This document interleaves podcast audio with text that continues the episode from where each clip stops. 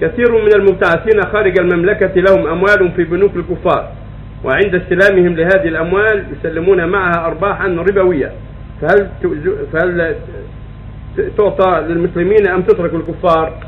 هذا في خلاف بين علماء الإسلام يعني كون المسلم يقبض مع أموال أرباحا من البنوك يعطاها إياها لأن البنوك اعتادت أنها تعطي أرباح على الأموال التي عندها في بنوكها. فهل للمسلم يأخذ هذه الأرباح وينفقها في وجوه البر وأعمال الخير أم يتركها لهم ويأخذ رأس ماله هذا محل اللزام بين أهل العلم هل يجوز أم لا يجوز. لكن هنا أمر لا بد من الانتباه له وهو أنه لا يجوز للمسلم أن يتفق مع على على الربا. ما يجوز يتفق مع مع البنك يقول أنا أعطيك هذا المال على أن لي 5% أو 10% ربحا. لا يجوز هذا هذا من الربا. لكن لو أعطاه المال وجعل عنده المال من غير مشارطة من غير شيء بينه وبينه.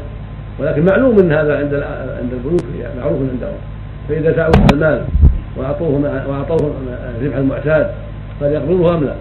المشهور عند العلماء أنه لا يقبضه إذا كان معروف. يعني الشرط العرفي كالنطق فكأنه شرطهم على ذلك.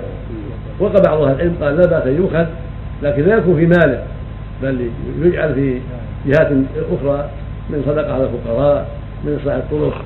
من اصلاح دورات مياه من أشباه ذلك ما ينفع المسلمين ولا يكون في ماله ولا يأكله ولا ينتفع به هذا قول جماعة من العلم وهو قول قوي لكن يخشى على الإنسان ان ان لا تطاوعه نفسه. يخشى عليه إذا اخذه أن يأكله ويخشى عليه يدخله في ماله فالحيطه لها لا يأكله.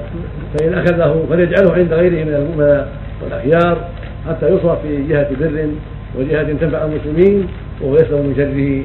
ولا يدخل ولا يدخل ماله ولا يستعين به في شيء من أمور خاصة.